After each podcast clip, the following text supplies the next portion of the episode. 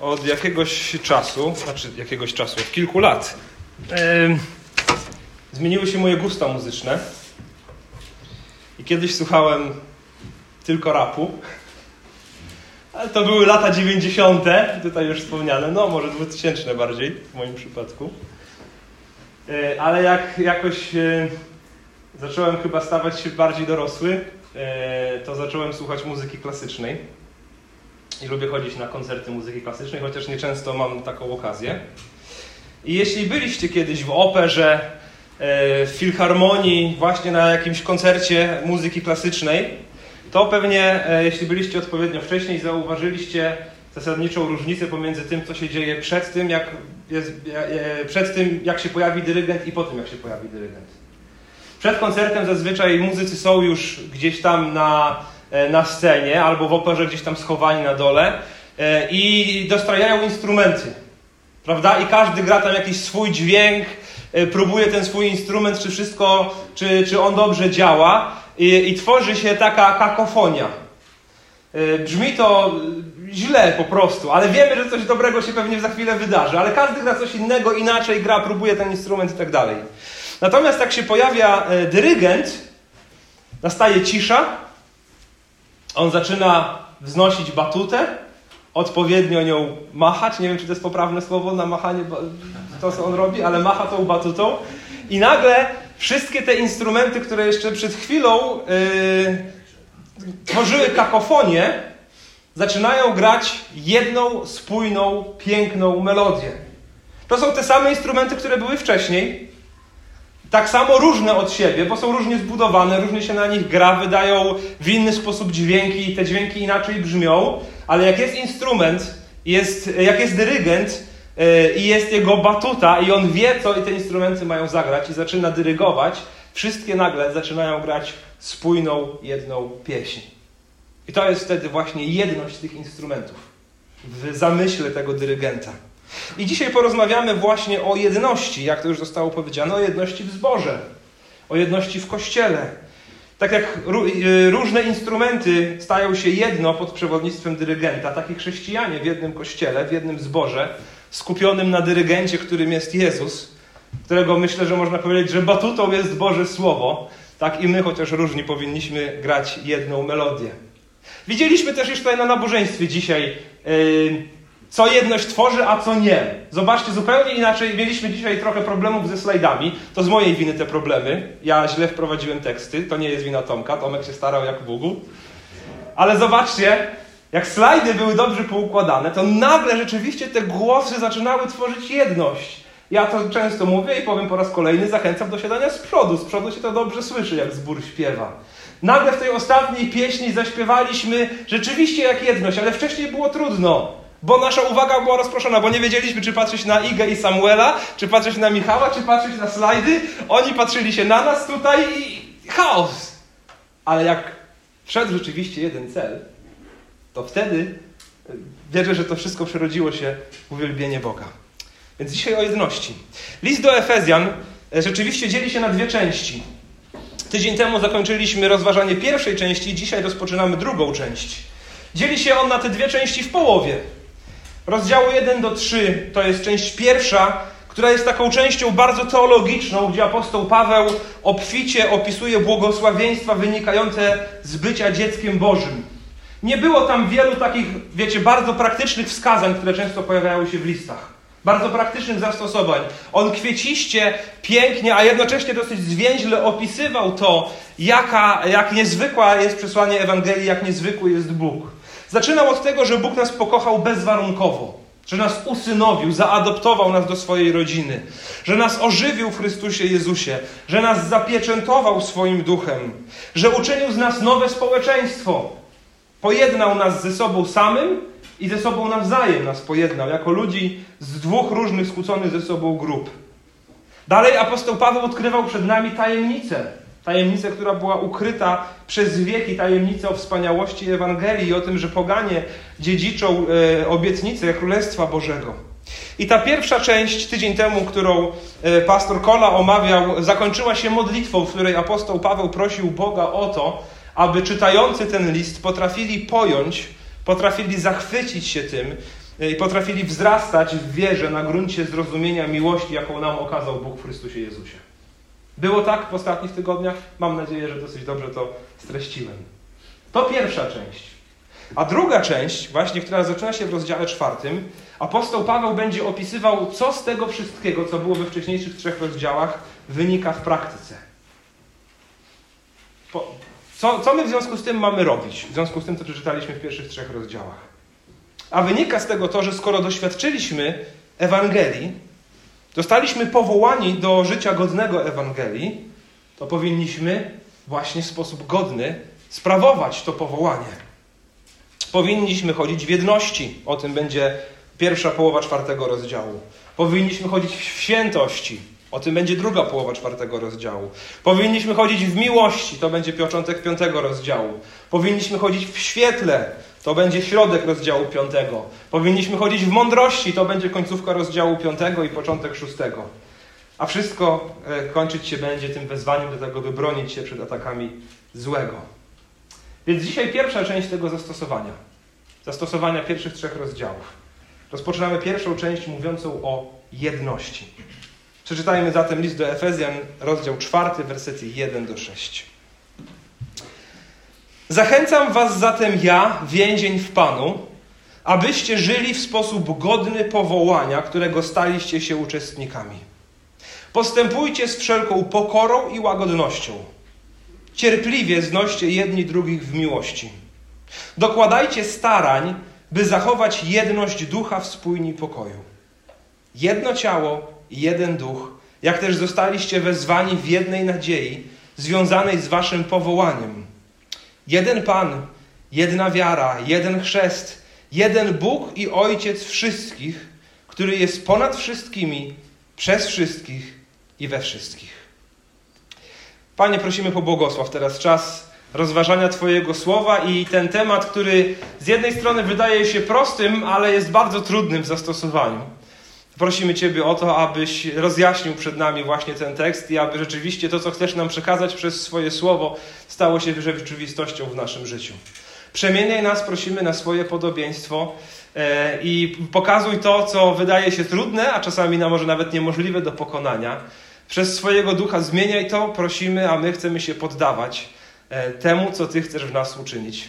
Prosimy, e, poprowadź nas teraz przez te wersety czwartego rozdziału listu do Efezjan. Amen. Myślę, że tych sześć wersetów możemy podzielić na trzy części. E, werset pierwszy to jest zachęta do życia godnego powołania. To jest w ogóle wstęp, myślę, że do, do wszystkich tych trzech rozdziałów, czwartego, piątego, szóstego, ale na pewno tutaj jest to wstęp również do tych sześciu wersetów, więc jest to zachęta do życia godnego powołania. Później w wersetach drugim i trzecim mamy wezwanie do troski o jedność i mamy cechy tego, jak, jak ta jedność się kształtuje, o co powinniśmy się starać. Więc jedność, która jest właśnie godna e, powołania. E, I potem mamy wersety 4 do 6, gdzie mamy opis tego, z czego ta jedność wynika, co nas łączy i co wyznacza granice jedności. Więc werset pierwszy, wstęp czy wezwanie do życia godnego Ewangelii. Zachęcam was zatem ja, więzień w Panu, abyście żyli w sposób godny powołania, którego staliście się uczestnikami. Pojawia się tu słowo zatem. Zachęcam was zatem. Albo w związku z tym zachęcam was. Co wskazuje nam właśnie na to powiązanie tych dwóch części. To, co było wcześniej opisane, Paweł teraz mówi, w związku z tym wszystkim, co mówiłem przez trzy rozdziały, chcę was zachęcić.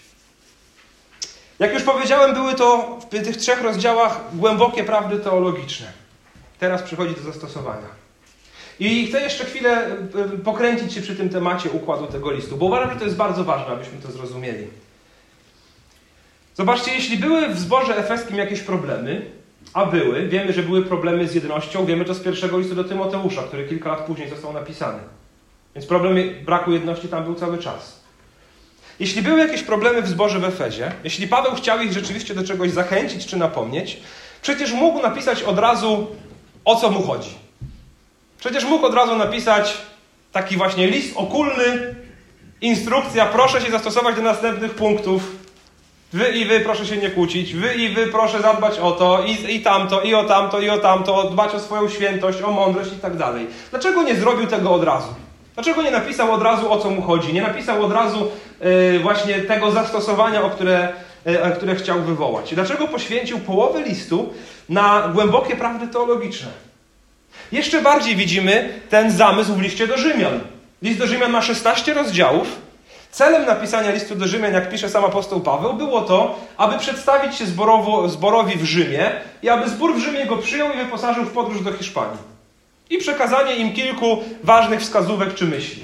I to jest w ostatnich pięciu rozdziałach, który ma 16 rozdziałów ten list. A w pierwszych 11 jest bardzo dogłębnie, bardzo bogato wyjaśniona teologia zbawienia. Prawdy dotyczące tego, w jaki sposób człowiek zostaje zbawiony. Dlaczego apostoł Paweł tak to robi?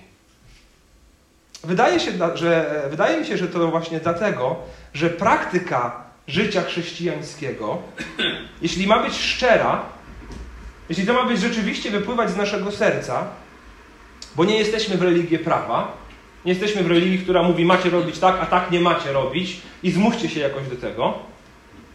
Musimy zbawienie z łaski przez wiarę. Jesteśmy zbawieni poprzez trwanie w relacji z Chrystusem.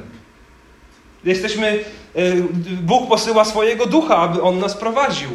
Więc, więc uważam, że apostoł Paweł celowo w taki sposób układa swoje listy, no właśnie po to, aby pobudzić nasze serca.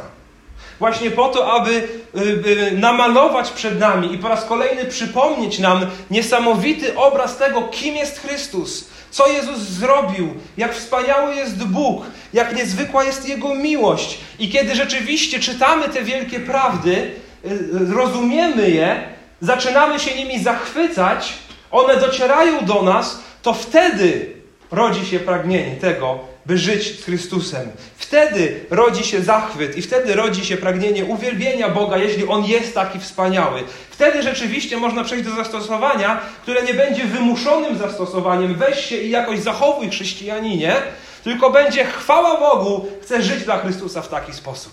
Chwała Bogu, jestem gotowy dla Niego cierpieć, bo On jest tak wspaniały. Jestem gotowy rzeczywiście walczyć o świętość, bo On mnie uratował. Jestem gotowy na to i na to. Praktyczne zastosowanie w życiu chrześcijańskim, e, trudne zastosowanie w życiu chrześcijańskim wynika właśnie ze zrozumienia wspaniałości Chrystusa i wspaniałości Ewangelii. To te rzeczy motywują nas do życia prowadzonego z Chrystusem i dla Chrystusa. Mówił o tym pastor Konrad Grondys w drugim kazaniu z naszej serii, kiedy omawiał końcówkę pierwszego rozdziału. Pamiętacie, mówił o tym, że uprawianie samej teologii, która nie prowadzi do uwielbienia Boga, która nie prowadzi do posłuszeństwa Chrystusowi, do wydawania owocu ducha, taka teologia to po prostu martwa ortodoksja, której powinniśmy się wystrzegać. Ale jednocześnie podejście, ja po prostu chcę kochać Jezusa, po co mi ta cała reszta, po co mi te wielkie dogmaty, o których tak mówicie, czy po co mi ta teologia, ja chcę po prostu z Jezusem żyć. Takie podejście to po prostu utopia. Będzie ono prowadziło do bałwochwalstwa, dlatego że nie będziemy znali Boga, którego czcimy. Nie będziemy znali Chrystusa, który nas zbawił.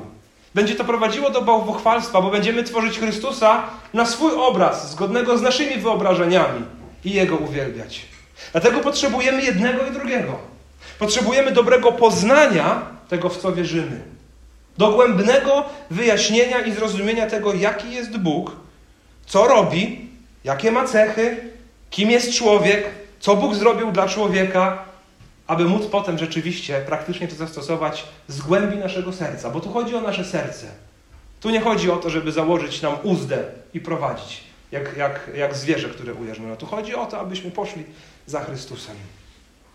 Teologia musi prowadzić do prawdziwego uwielbienia Boga, a uwielbienie prawdziwego Boga odbywać się będzie tylko poprzez właściwe zrozumienie tego, kim On jest i jaki jest. Niech jedno napędza drugie. Stąd wierzę, że taki właśnie układ listu do Efezjan i wielu innych listów. Dalej Paweł tutaj mówi: Zachęcam was zatem ja, więzień w Panu.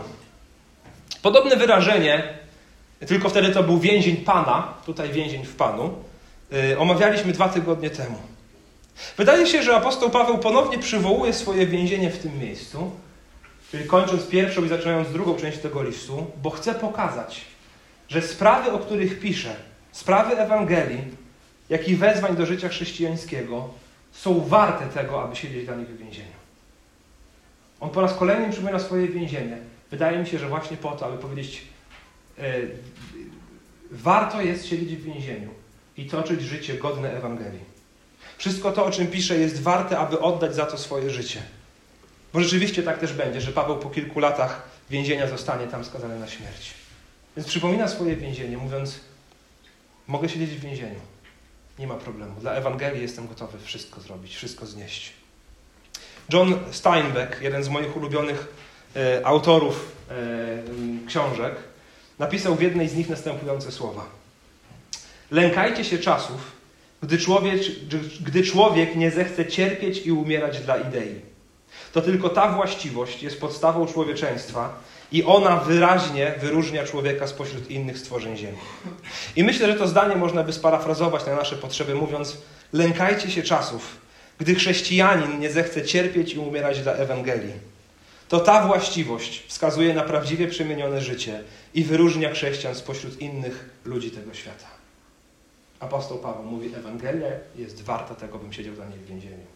Wasza świętość, wasze zdrowie, kościele w Efezie jest wart tego, żeby siedzieć w więzieniu. Jeśli nie jesteśmy gotowi za Jezusa i za Ewangelię cierpieć i umrzeć, to tak naprawdę niczym się nie różnimy od wielu innych ludzi żyjących innymi ideami tego świata. Ewangelia wzywa nas do tego, aby rzeczywiście poświęcić dla niej wszystko i jest ona tego warta. Zachęcam Was zatem ja, więzień w Panu. Niektóre tłumaczenia zamiast słowa zachęcam mówią wzywam, napominam, proszę Was, ja, więzień w Panu. Więc jest tutaj położony nacisk na to, że jest to poważna odezwa do tych, którzy czytają. Do Efezjan, więc również i do nas. Zachęcam, napominam, wzywam, proszę, ja, więzień w Panu. W związku z tym wszystkim, co Wam napisałem wcześniej, abyście żyli w sposób godny powołania, którego staliście się uczestnikami. Tym powołaniem jest właśnie ożywienie z duchowej martwoty. Jest życie dla Bożej chwały. A każde powołanie, czyli każde wezwanie do zajęcia szczególnego stanowiska, bo tym jest powołanie, jest związane z godnym reprezentowaniem tego stanowiska. I tak na przykład e, uczniowie, jak idą do pierwszej klasy na różnych etapach edukacji, również i na studiach składają ślubowanie. Ja pamiętam swoje ślubowania. Znaczy, nie pamiętam do końca Pamiętam, kiedy to było i pamiętam emocje z tym związane, że to było ważne i pamiętam, że ślubowało się tam zawsze, że zostając uczniem tej szkoły będę godnie reprezentował imię tej szkoły. Wychodziło mi różnie pewnie to godne reprezentowanie dobrego imienia szkoły, ale takie ślubowanie było, że skoro stajesz się uczniem szkoły, masz ją godnie reprezentować. Podobnie narzeczeni, gdy wstępują w związek małżeński, również się zobowiązują do innego życia. Zobowiązują się do tego, że od teraz będą poświęcać siebie, e, się dla siebie nawzajem. Wyznaczają sobie nowe, znacznie wyższe standardy, idąc za tym przywileje i zobowiązania. Chcą godnie reprezentować swoje małżeństwo. Tak samo i chrześcijanie, kiedy uwierzyli Jezusowi, kiedy przyjmują chrzest na wyznanie wiary, to ten chrzest, który, y, którego udziela Kościół, przy którym zgromadzony jest Kościół, kiedy Kościół poświadcza wyznanie wiary tej osoby, rozpoznając w nim dziecko Boże, ten człowiek w chrzcie składa swoje ślubowanie. Ślubowanie Chrystusowi. Moje życie zostało zmienione. W związku z tym, będąc członkiem Kościoła, chcę wieść życie godne tego powołania. Do tego się odnosi Paweł. Skoro wiecie, co zrobił dla Was Bóg, skoro uczynił was członkami swojego ciała, skoro jesteście członkami Kościoła w Efezie, mając świadomość dostojeństwa waszego powołania, żyjcie w sposób godny tego powołania. I pierwszym zobowiązaniem, jakie apostoł Paweł daje, to jest właśnie troska o jedność. Temat wydaje mi się, że bardzo trudny. Szczególnie trudny dla naszej społeczności tutaj, jak siedzimy na nabożeństwie. Dlatego, że zdecydowana większość z nas tutaj siedzących była już członkami innego zboru. Czasami nawet kilku i świadomie z tych zborów odeszliśmy. Dlatego chcę Was zachęcić, drodzy, rzeczywiście do dogłębnego wczytania się w ten fragment. Do dogłębnego studiowania tego fragmentu, nie tylko tutaj na nabożeństwie, ale abyście posiedzieli w nim jeszcze, z tym fragmentem jeszcze w domu. Abyśmy rzeczywiście troszczyli się o jedność we wspólnotach chrześcijańskich, nawet jeśli z nich odeszliśmy, a były one chrześcijańskie, i szczególnie wtedy, teraz, kiedy tworzymy nową wspólnotę. Y, nie jestem marzycielem, który uważa, że zawsze można się w zborze dogadać. I że za wszelką cenę zawsze musimy trzymać się tylko jednego zboru. Myślę, że tak wcale nie jest. Szczególnie wtedy, kiedy pojawiają się różnice doktrynalne, kiedy nie zgadzamy się z przesłaniem zwiastowanego słowa, kiedy sposób funkcjonowania Kościoła naszym zdaniem jest niewłaściwy. Rozumiem, że to są, to są częste powody odejścia, jest to zupełnie zrozumiałe. Ale dobrze byłoby, aby mimo wszystko odejście z danej społeczności odbyło się w pokoju. Jeśli nie pojawiła się tam herezja, jeśli nie pojawiła się tam nauka, która zagraża zbawieniu człowieka, ale pojawiła się tam różnica zdań w kwestii funkcjonowania, głoszenia itd., tak itd. Tak i chcemy stamtąd odejść, dobrze byłoby, abyśmy zadbali o to, aby rozejść się w pokoju i zatroszczyć się o jedność. Aby spotykając się na ulicy, móc sobie pobłogosławić i zamienić ze sobą przyjacielsko kilka słów. I tak samo musimy zatroszczyć się szczególnie mocno o to, kiedy teraz próbujemy budować nową społeczność.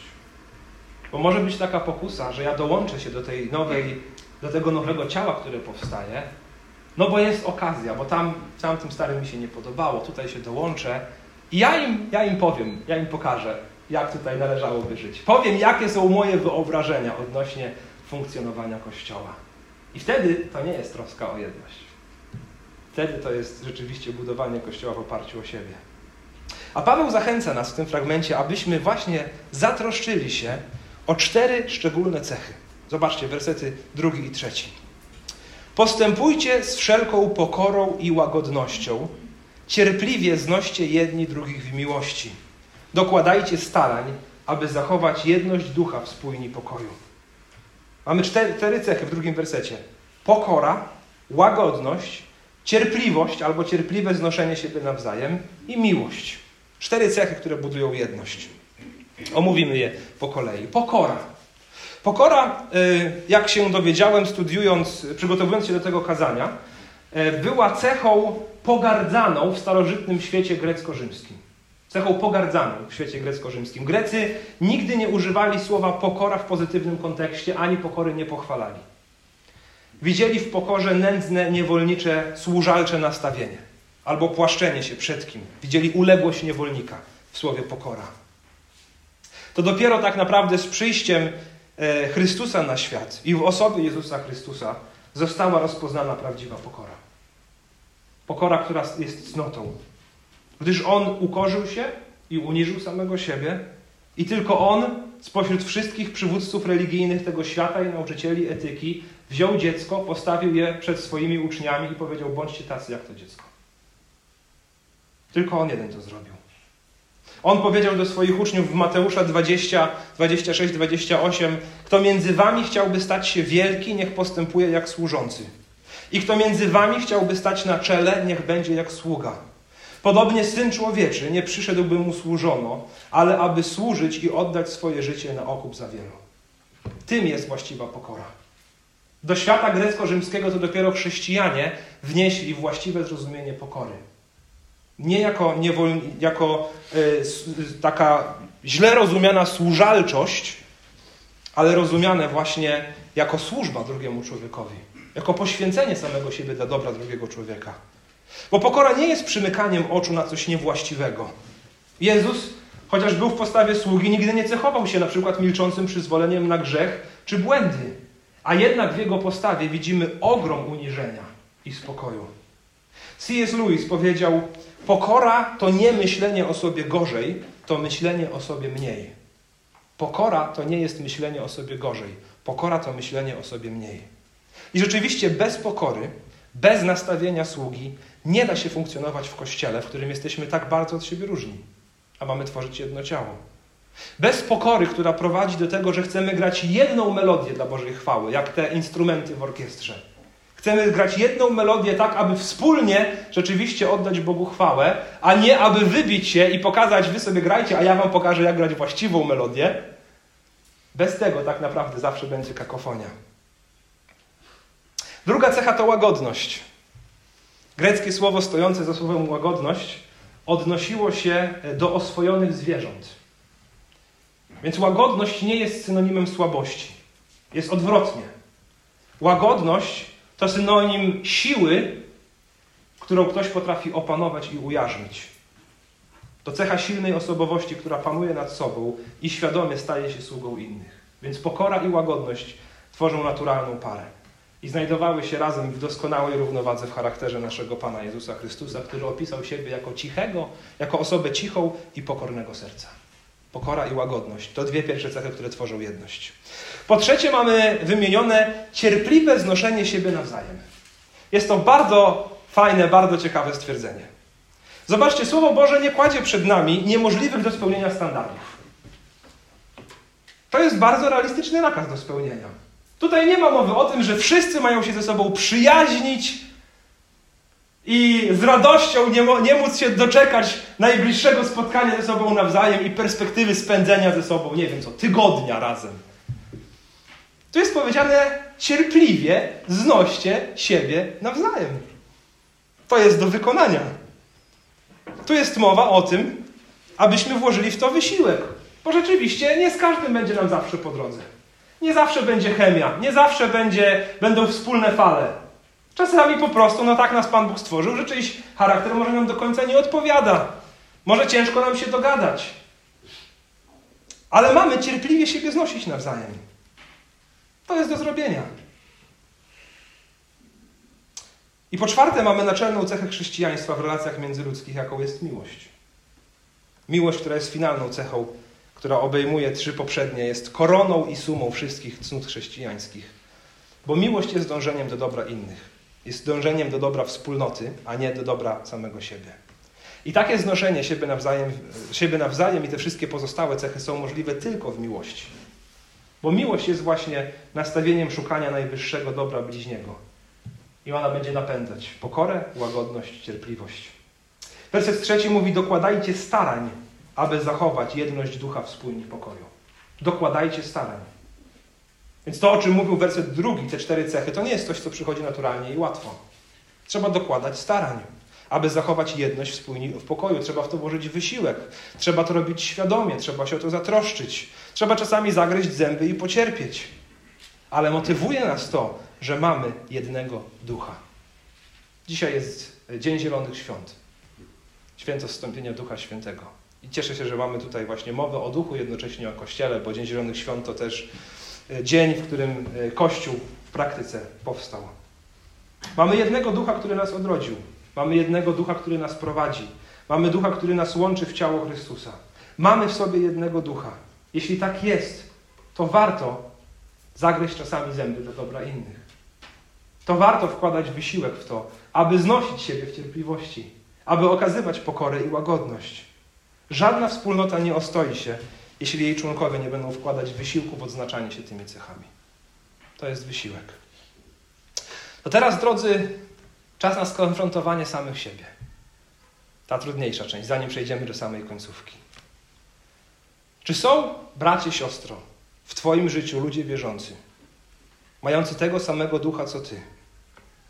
Czy są wspólnoty ludzi wierzących, w których może nie wykazałeś się pokorą, łagodnością, cierpliwym znoszeniem siebie nawzajem i miłością? Innymi słowy, czy są w Twoim życiu ludzie, pojedyncze osoby, a może wspólnoty, przeciwko którym zgrzeszyłeś? Chcę Was zachęcić, abyście się głęboko nad tym zastanowili. Tak jak powiedziałem, nie tylko dzisiaj. A może już teraz Duch Święty Ciebie oświeca i pokazuje Ci coś takiego. To chcę Cię zachęcić, abyś poukładał swoje relacje. Nie mówię, że masz wrócić tam, gdzie było Tobie niedobrze, ale poukładał swoje relacje. Wyznał grzech i poszukał jedności ducha w spójni pokoju. Tak jak powiedziałem, to nie chodzi o to, że musimy zabiegać o to, żeby ze wszystkimi wierzącymi być za wszelką cenę w jednym zborze, czy nawet w jednej denominacji. Ale tu chodzi o to, żeby zatroszczyć się o jedność. Bo jeśli jest prawdopodobne, że spotkamy się razem w wieczności i trzeba będzie wieczność ze sobą spędzić i spojrzeć sobie tam w oczy, to warto zatroszczyć się o to już tutaj na ziemi. Nawet jeśli jest to trudne. Jak mówi list do Rzymian, 12 rozdział, jeśli to od was zależy, ze wszystkimi pokój miejcie. Mówiłem to już chyba kiedyś na kazaniu, albo na grupie, nie pamiętam, przepraszam, jeśli się powtórzę. Jedna z takich bardzo ważnych dla mnie osób, e, bardzo ważny taki dla mnie brat duchowy i, i mentor, mający ponad 80 lat, właśnie jakiś czas temu powiedział mi, że e, wyczuł, że śmierć się zbliża powoli do niego i że trzeba będzie udać się do wieczności, co uczyni z radością, ale też właśnie dotarło do niego to, że wielu ludziom tam nie będzie mógł spojrzeć prosto w oczy. Nie z powodu tego, że źle się prowadził, ale właśnie z powodu swojej takiej waleczności z innymi chrześcijanami. I postanowił y, to, te, zająć się tymi sprawami przed swoim odejściem z tego świata. I mówi do mnie z żalem, ale Samuel, z wieloma z tymi ludźmi już nie mogę się pogodzić. Bo lata minęły i ich już nie ma i oni już tam są. A chciałbym to zrobić tutaj na ziemi. Bracia i siostry, nie odkładajmy tego. Nie odkładajmy tego. Jeśli to od Was zależy, ze wszystkimi pokój miejcie. Przechodzimy do trzeciej części. Z czego ta jedność wynika i jakie są jej granice. I granice mają to do siebie, że to, co jest wewnątrz granic, stanowi jedność, natomiast to, co jest poza granicami, z definicji jedności nie stanowi. Tak, granice nam pokazują, w obrębie czego możemy mówić o jedności. Z kim tę jedność mamy? Wersety 4 do 6. Jedno ciało, jeden duch, jak też zostaliście wezwani do jednej nadziei związanej z waszym powołaniem. Jeden Pan, jedna wiara, jeden chrzest, jeden Bóg i Ojciec wszystkich, który jest ponad wszystkimi, przez wszystkich i we wszystkich. Więc nasza jedność wynika z tego, że jesteśmy po pierwsze członkami jednego ciała. Jest jedno ciało, jest jeden kościół. Chrystus nie ma dwóch ludów, ma jeden lud. Jeden kościół, za który umarł. Jest głową tego kościoła. Ten kościół zbudowany jest na fundamencie apostołów i proroków, a kamieniem węgielnym jest Chrystus. I on ten kościół buduje. Jesteśmy zbudowani na fundamencie Pisma Świętego, wyznającego jedno przesłanie Ewangelii. Jeden kościół. Składający się z Żydów i Pogan. Składający się z Polaków i Ukraińców i Kaszubów. I jeszcze, kogo tutaj mamy? Jeden. Jedność tego ciała właśnie wynika z tego, że jest jeden duch, który to ciało tworzy. Jedno ciało, jeden duch, jak też zostaliście wezwani do jednej nadziei. To ten duch nas do tej nadziei wezwał. Apostoł Paweł w pierwszym do Koryntian 12 rozdziale pisze, gdyż w jednym duchu zostaliście wszyscy ochrzczeni w jedno ciało. Żydzi czy poganie, niewolnicy czy wolni. I wszyscy zostaliśmy napojeni jednym duchem. Jedno ciało, jeden duch. I w związku z tym idąc za tym jedna nadzieja, związana z naszym powołaniem. Nadzieja na spotkanie z Chrystusem po śmierci. Nadzieja nowego nieba i nowej ziemi, w której spędzimy wieczność. Wspólnie, jako jedno. Jest jeden Pan, dalej czytamy. Jezus Chrystus. Innych Panów, którym służymy bezwzględnie i w pełni nie mamy. Jest jedna wiara. Myślę, że tu chodzi zarówno o treść tej wiary, jaką jest zbawienie w Chrystusie Jezusie, jak i tylko jedna wiara jako sposób zbawienia, jako zaufanie Chrystusowi, przez którą zostajemy zbawieni. Jest jeden chrzest na wyznanie Jego imienia. To w Jezusa Chrystusa uwierzyliśmy i w Niego zostaliśmy ochrzczeni. I to Jezusa Chrystusa powtórnego przyjścia wyczekujemy. I w końcu jest jeden Bóg i Ojciec wszystkich, który jest ponad wszystkimi, przez wszystkich i we wszystkich. Więc ostatecznie w Kościele jednoczy nas Bóg, będący naszym Ojcem. Ten, który nas adoptował, który jest ponad nami. Jest większy niż nasze ograniczenia, jest większy niż nasze zrozumienie, jest większy niż nasze poglądy, jest większy niż nasza wiedza i nasze zrozumienie. Jego dziećmi jesteśmy, a On działa pomimo naszych błędów, bo każdy z nas na pewno ma niewłaściwe zrozumienie różnych aspektów Pana Boga, oby ich było jak najmniej. A On mimo tego działa w nas i przez nas. Więc zobaczcie, w tych trzech wersetach mamy całą Trójcę Świętą. Jest Bóg Ojciec, jest jeden Pan, czyli Jezus Chrystus, i jest jeden Duch. Ta Trójca, jeden Bóg w trzech osobach, jest dla nas wzorem jedności. Bóg Ojciec, Syn Boży i Duch Święty to inne osoby ze swoimi odrębnymi cechami, a jednocześnie tworzące jednego Boga, są jednym Bogiem w relacjach pełnych miłości, służby i wzajemnego uwielbienia. Trójca Święta jest dla nas wzorem postępowania. I taki my stanowimy jeden Kościół, składający się z różnych członków, ale jednak jesteśmy wezwani do tworzenia jednego ciała. Oczywiście ta analogia nie jest identyczna. Bóg jest jedną osobą cały czas. My tworzymy jedno ciało z różnych członków, ale jednak patrząc na Trójcę, uczymy się tego, czym jest jedność. I w tych y, trzech wersetach siedem razy pojawia się słowo jeden. Skoro jeden, to nie ma dwóch i nie ma więcej. Jest tylko jeden Bóg. Tylko jeden prawdziwy Bóg. Nie ma więcej bogów. Jest tylko jeden Pan. Nie ma innych panów. Jest tylko jeden duch i jeden kościół. Każdy, kto głosi jedność w różnorakich bogach, w różnorakich panach, w różnorakich duchach, w różnorakich religiach, wcale nie wzywa do jedności. Tak naprawdę wzywa wtedy do rozwalenia tego, co jest jednością. Więc ten tekst pokazuje nam, na czym budujemy jedność, ale też pokazuje nam właśnie te granice, gdzie tej jedności już być nie może. Więc drodzy, pielęgnujmy biblijnie pojmowaną jedność. Ona jest zarówno inkluzywna, czyli włącza tych, którzy ją wyznają, jak i jest ekskluzywna, wyłącza tych, którzy głoszą inne rzeczy. Drodzy, kończąc, w świecie, który jest tak bardzo podzielony, bardzo podzielony, w ostatnich 30 latach chyba nigdy naród polski nie był tak podzielony. Wydaje się, że z każdym rokiem te napięcia między Polakami wzrastają. W świecie, który chyba też nie był nigdy tak bardzo podzielony jak teraz, który z jednej strony chce zachowywać się tak samo cały świat i funkcjonować tak samo i wyglądać tak samo, a jednocześnie coraz więcej jest napięć i kłótni i swarów i tak dalej. Bądźmy tymi, którzy dbają o jedność. Bądźmy tymi, którzy naprawdę dbają o jedność. Opowiadałem Wam kiedyś tę historię, więc znowu się powtórzę, ale, ale pasuje ona tutaj do tego kazania. Jak to pewien profesor socjologii, człowiek niewierzący, przyszedł do jednego ze zborów baptystycznych. Rzecz się działa w Stanach Zjednoczonych. Zbór, w którym się gromadzi około tysiąca osób na nabożeństwach. I przyszedł na to nabożeństwo z ciekawości. Przesiedział tam półtora godziny, potem oglądał to, co działo się po nabożeństwie i jak już większość zaczęła wychodzić, podszedł do pastora podzielić się swoimi refleksjami. I mówi, z socjologicznego punktu widzenia to, co tutaj oglądałem, jest niepojęte. Nigdzie indziej tego nie widziałem. On mówi, tych ludzi niby nie łączy nic. Oni są w różnym wieku, mają różne wykształcenie, różnie wyglądają, są z różnych narodów, to zbór w Waszyngtonie, posługują się różnymi językami, jako tymi natywnymi językami, swoimi, z których się wywodzą, nic ich nie łączy. Mówi, a z drugiej strony patrzę na to, jak śpiewacie, jak się modlicie, jak jesteście skupieni na słowie, jak ze sobą rozmawiacie po nabożeństwie, jak ze sobą funkcjonujecie i wy wyglądacie, jakbyście się znali całe życie i byli jedną rodziną, która ma same wspólne interesy ze sobą nawzajem i wspólne uczucia do siebie. Drodzy, niech ta wzajemna miłość rzeczywiście będzie tym, po czym będą nas poznawać. To tak też Jezus powiedział. Po wzajemnej miłości was poznają. Więc troszczmy się o to wewnątrz naszej wspólnoty, ale też z innymi chrześcijanami. Nawet jeśli się nie zgadzamy, a jednak nie odmawiamy im zbawienia, troszczmy się mądrze o jedność. Jedność, która nie wyraża się w organizacyjnym funkcjonowaniu, ale wyraża się we wzajemnym nastawieniu do siebie nawzajem.